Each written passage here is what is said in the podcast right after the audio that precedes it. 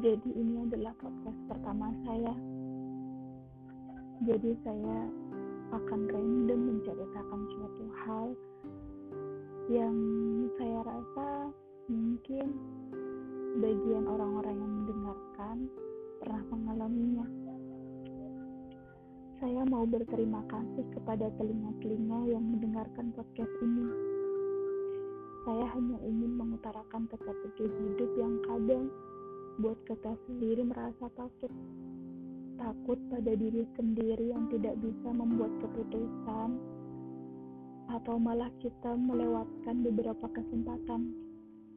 Sejatinya kita pernah bukan menyukai, namun ternyata seseorang merasa sebaliknya. Jika orang lain bisa dengan mudahnya bilang, bahagia itu datang di waktu yang tepat. Bagaimana jika bahagiaku hanya saat atau bahkan hanya memikirkannya. Aku egois bukan? Aku belum bisa menerima kenyataan bahwa bahagia yang dia punya adalah tanpaku. Ini kesimpulan yang egois bukan? Hadirmu yang membuatku nyaman hanya sesaat untuk hadir datang sebagai seorang teman.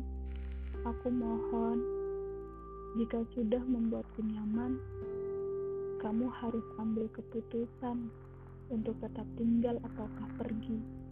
Agar aku sadar bahwa kamu hanya seorang manusia yang dikirimkan untuk jadi pembelajaran. Bahwa ikhlas itu adalah melepaskan. Dan saya juga berharap bahwa semesta tidak lagi mengirimkan orang-orang sepertimu. Dan saya juga berharap bahwa kamu tidak menemukan orang yang kamu cari, agar untuk sebentar saja kamu melihat saya, dan harapan ini tidaklah benar.